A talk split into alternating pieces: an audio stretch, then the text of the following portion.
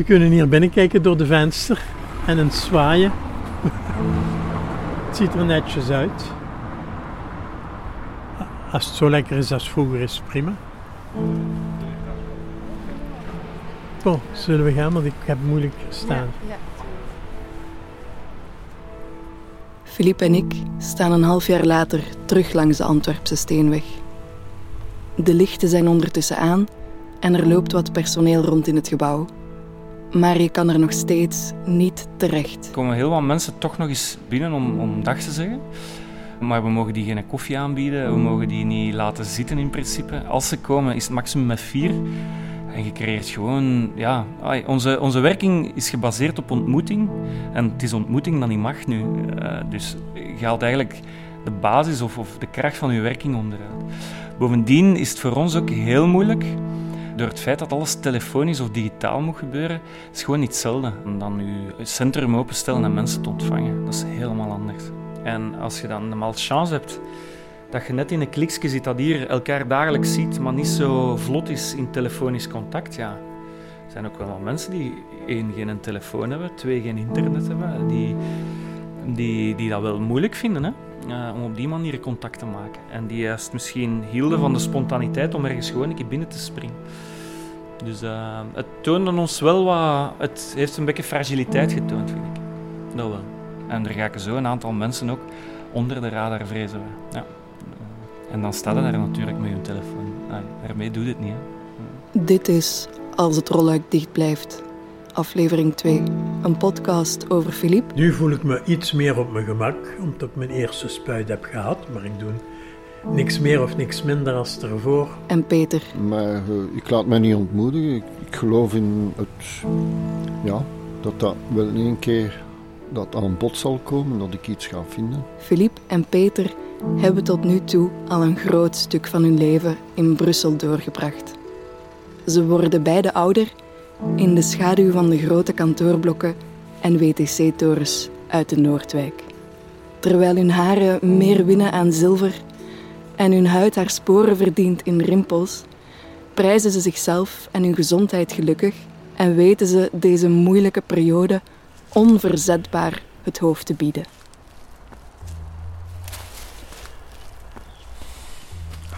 Uh, als ik morgen dood ga, ga ik dood. Dat is geen enkel probleem. Ik voel mij niet oud. Ik voel dat niet. Kunt je toch niks tegen doen, ouwe worden. Alles marcheert, maar langzamer. Ik blijf voortdoen, op mijn gemakje. Ik kan toch niet goed mee hoor, gelijk tegen vroeger. Vroeger was ik Speedy Gonzales, hè. En nu uh, ben ik altijd de laatste. Ik denk dat ik nog. Ik kan goed inademen, zie je? Dus ik kan goed mee. Ik sta er alle dagen bij stil, maar dat is, maakt mij niet uit. Ik relativeer alles, dus uh, zal ik wel ouder worden. Maar ja, als je je verzorgt, dan uh, ja, kun je lang meegaan. Hè. Als er daarna iets is, zal het een blijde verrassing zijn. Ik bereid er me ook niet op voor. Als, als het komt, als zoiets is zo. Hè. Het is gelijk het is. En het valt nog mee. Vind je niet?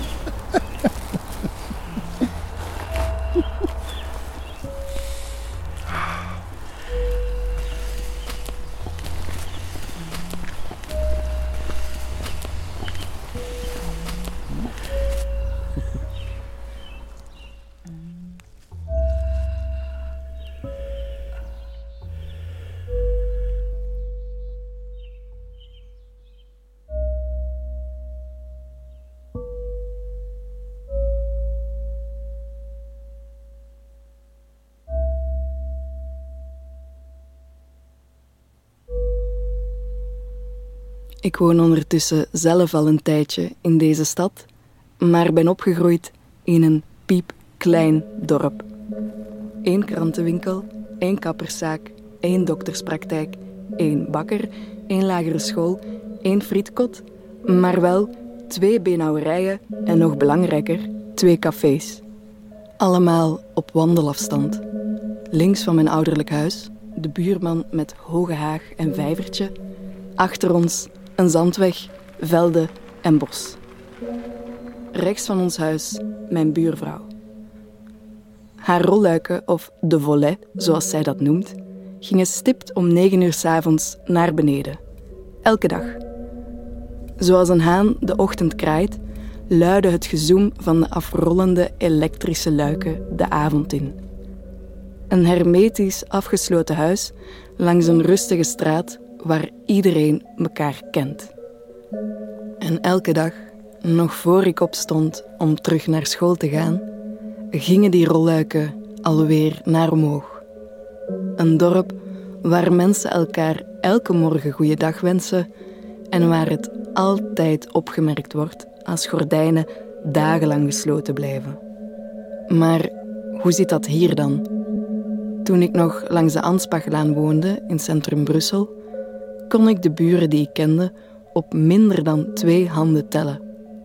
En af en toe kwam ik ook lange tijd geen kennissen tegen.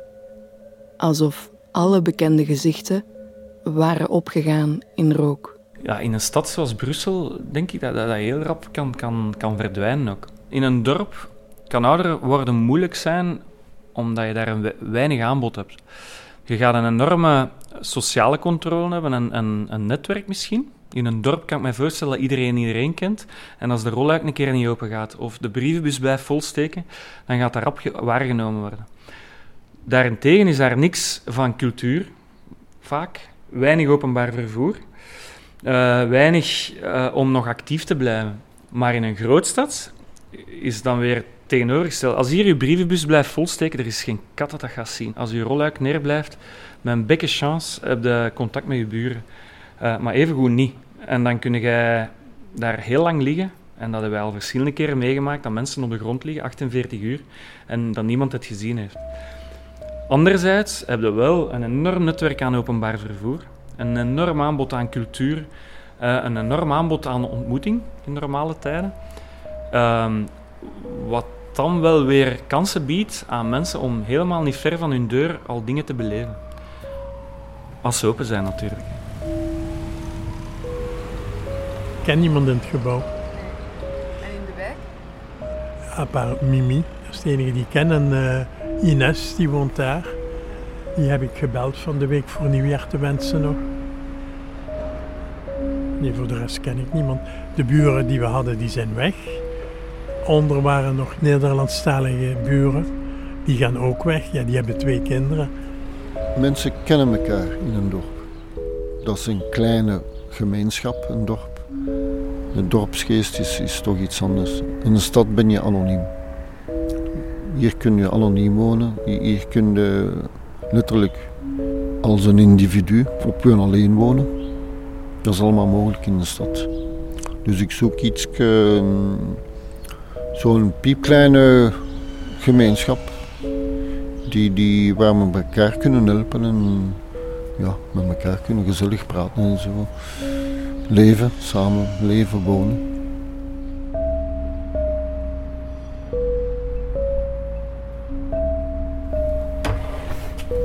Hallo.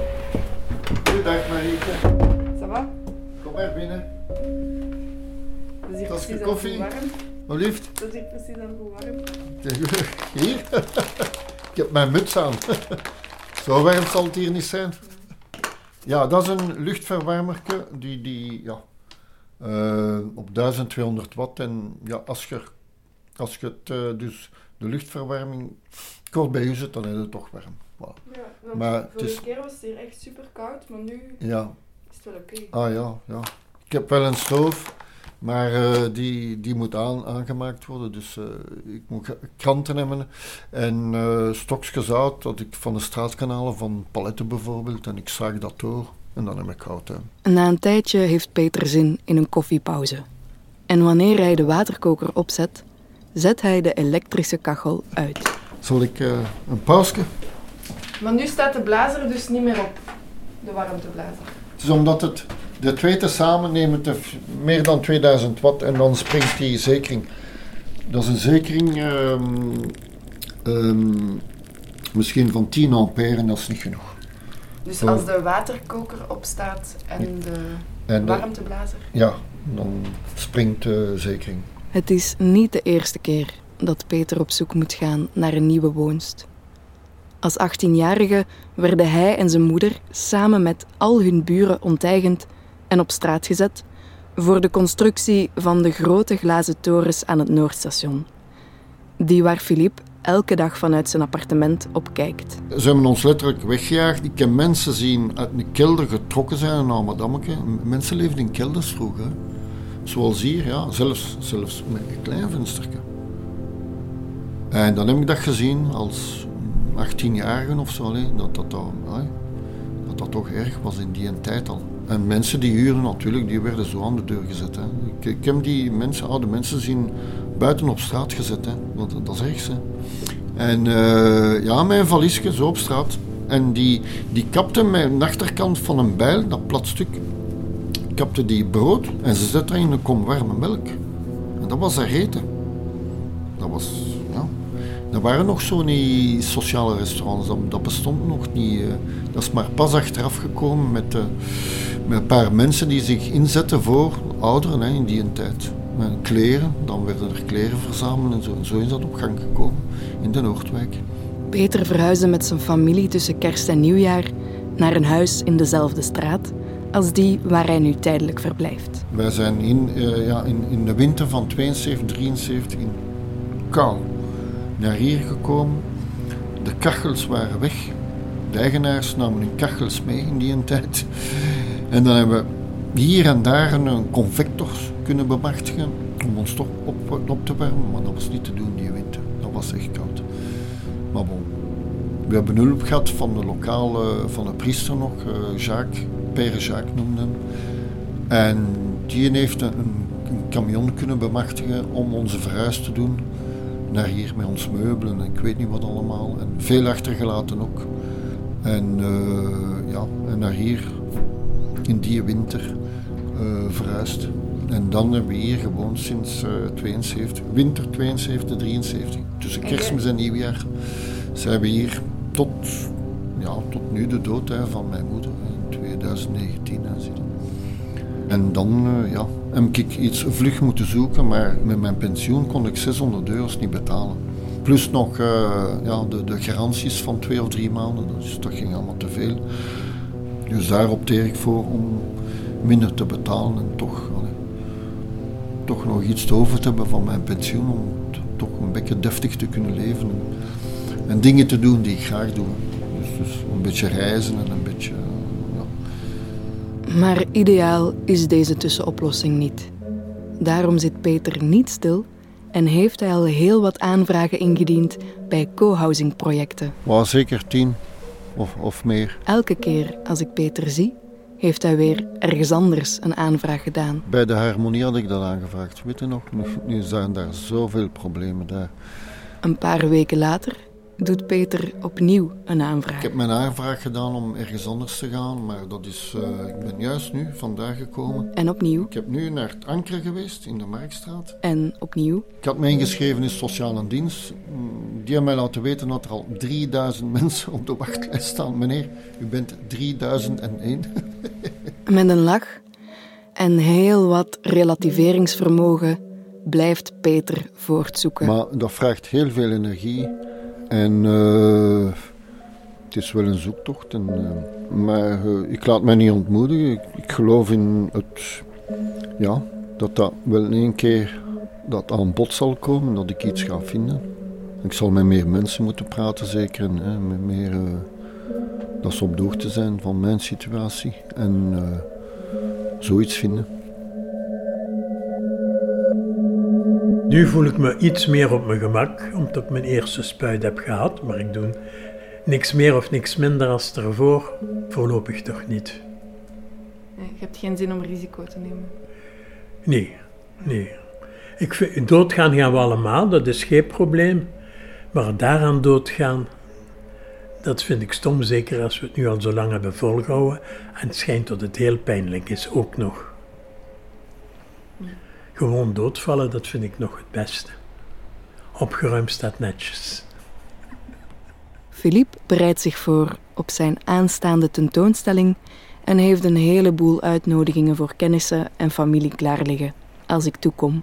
We zijn met tien thuis. Hè. Tien kinderen? Ja, dus ik heb negen broers en zussen die nog allemaal leven.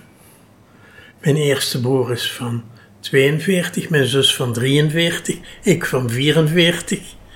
En in 45 heeft de moeder van Philippe een miskraam gehad. Kon ze zogezegd geen kinderen meer krijgen, heeft ze er nog zeven gehad. Een van die zussen van Philippe woont nog steeds in Mazeik. De rest is overal in België een beetje verspreid geraakt. Ik heb één zus hier in Brussel wonen. Jammer genoeg, die heeft Alzheimer. Ze is vijf jaar jonger als ik. En ik ben sinds een paar weken volmachthebber bij haar. Ze weet niet hoe oud ze is. Ze weet niet uh, wat gisteren of wat een uur geleden gebeurd is. En dat wordt alleen maar erger. En hoe oud is zij? Zij is uh, 71. En ze weet wel nog wie u bent? Tot nu toe nog wel, ja. Tot nu toe nog wel. En zij is maar alleen. Ze is altijd een bitch geweest, zoals ze zei. maar voilà, ja. Het middelpunt van het gezin Kroijmans was echter de grootmoeder van Philippe. Een deftige Hasselse dame. Toen Philippe nog student was, ging hij elke dag met zijn grootmoeder op restaurant. Het was een sterrenrestaurant. Elke dag? Ja. Ik uh, logeerde bij haar, ik studeerde in Hasselt. En uh, ik moest op haar letten en zij moest op mij letten. En we gingen iedere dag op het restaurant. Chic. En dan moest zij zich optutten. Dus dat was een reden voor haar om zich op te tutten en naar buiten te komen. Het was maar een huis of tien verder. Maar toch, dat was gelijk. Nu ook, als ik naar de harmonie ga, ik kan zo niet gaan. Hè. Maar zo loop ik al de hele dag rond. Maar als ik langskom, dan is dat prima. en als je vroeger naar de harmonie ging en, en je ging gaan eten met die dames waarmee je bevriend bent, waar, waar hadden jullie het dan zo al over? Ja, ik heb daar pijn, ik heb daar pijn en ik moet dit en ik moet dat. Uh, maar ja, dat is bij oude mensen. Uh, Schrik mijn broer, die woont in uh, Saint-Hubert. En die is daar nu geïntegreerd. En hij zegt, als ik de mensen hier van het dorp zie, dan is het niet bonjour, dan is het tamalou. U lijkt me niet zo iemand die de hele dag door zelf zou klagen. Nee, ik, ik ben ook eigenlijk nooit ziek. Ik heb wel eens een goede verkoudheid, maar voor de rest... Uh, touchons du bois, maar ça c'est du plastique.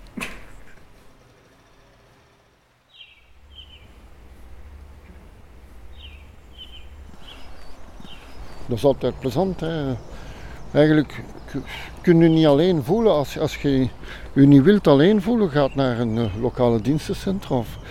En na het eten wat dat er nu niet meer natuurlijk mag, uh, mogen ze voort met kaarten spelen, domino's, uh, ja, bingo, wat is het allemaal, die speeltjes die, die ja, de mensen bezighouden. Nog een uur of twee. En je hebt zo ongeveer altijd dezelfde mensen die aan tafel zitten. Maar ja, en, maar ja, nu is ze er niet meer, dat valt weg proberen niet te veel aan te denken. nee, we zijn sociale dieren. Hè. Wij, wij, we hebben een kuddegeest nog. We, willen nog altijd in een pak zitten hè. En, en, sociaal zijn. Hè. Maar het zal nog wel even duren voor Filip en Peter terug terecht kunnen in de harmonie. Het gebouw was zwaar verouderd, slecht geïsoleerd en eigenlijk niet brandveilig. Daarom moest het een grondige metamorfose ondergaan. En zo ging ook een van de laatste oorspronkelijke gebouwen uit de Noordwijk tegen de vlakte. Maar tijdens de heropbouw van de harmonie liep er van alles mis. Er zijn daar zoveel problemen daar. En in de harmonie, ja, dat schiet nog altijd niet op. Die hebben overstromingen gehad of zoiets. We zitten met twee dingen. Enerzijds een bouw zelf en de schade die we opgelopen hebben door, uh, door ons waterprobleem. De kelder waren onder water en, en al die diepvriezen, diepvriezers zijn kapot gegaan. Het is al een beetje de wet van Murphy geweest, heb ik een indruk, maar het is zo wat tegenslag na tegenslag. En dat is een spiksplinternieuw gebouw. Ze hebben nog geen datum. Hè. En anderzijds hebben we natuurlijk ook de, de, de maatregelen rond COVID. Dingen die veel langer uh, onderweg waren. Uh, minder bedrijven die tegelijkertijd aanwezig mochten zijn ook in het gebouw. En ook uh, werknemers die uh, bij hun familie waren gegaan om kerstmis te vieren en dan in quarantaine moesten als ze terugkwamen. Dus ehm, op zich is dat verlengd dan van 2019. En dan ging het naar september 2020, december 2020. En nu zijn we maart, uh, wat zeg ik, april 21. En in april 2021 keken we allemaal al rijkhalzend uit naar de volgende maand, naar mei. Dan zou de horeca weer stilletjes aan open mogen. Op zich kon de harmonie ook niet eerder terug open, omdat daar natuurlijk een grote groep kwetsbaren samentroept. Maar nu alle 60-plussers gevaccineerd waren, leek ook het gebouw van harmonie klaar om herop te leven. Door de waterschade uh, is dat nu, was dat 15 april, maar nu weer door heel administratieve dingen gok ik op mei. Maar ik durf het niet meer met zekerheid zeggen. Ja. Maar tevergeefs. Nog net geen jaar later is de harmonie nog steeds dicht. Ik haal verhaal bij Nancy Jacobs, een andere medewerker van de harmonie. Nancy. Dag Nancy, het is hier met Marieke Rimo. Ja, Marieke, hallo. Sorry, ja, ik had uw eh, oproep gemist. Dat is helemaal niet erg, dat is helemaal niet erg. Uh, ik ben ondertussen nog steeds die podcast aan het maken over uh, Philippe en Peter, twee vaste bezoekers van jullie centrum. En ik had, een, uh, ik had eigenlijk een vraag voor jou. Ja, zeg het maar. Wel, het zit eigenlijk zo. Ik, ik vraag mij af. de laatste keer dat ik u heb gehoord, was er nog geen concrete datum um, waarop de harmonie terug zou opengaan. Maar weet je ondertussen wel wanneer, uh, wanneer de harmonie terug open gaat? Maandag, volgende week maandag. Ah. Ja, ja goed nieuws. Uh, uh, de reparaties zijn eindelijk achter de rug. En uh, deze week is het een, een, nog een beetje een oefenweek, een testweek. Dus eindelijk daar zijn we heel blij om. Het kan vanaf nu alleen maar beter gaan, hopen we. Oké, okay. ah, ik, ga, ik ga zeker langskomen om, uh, om die opening mee te beleven. Springt gerust binnen, ja, tuurlijk. Okay. Met veel plezier. Oké, okay. alleen tot, tot de volgende, hè Nancy? Tot ja, volgende week. Dag, dag Marieke, tot volgende week. Salutjes, dag. Dag.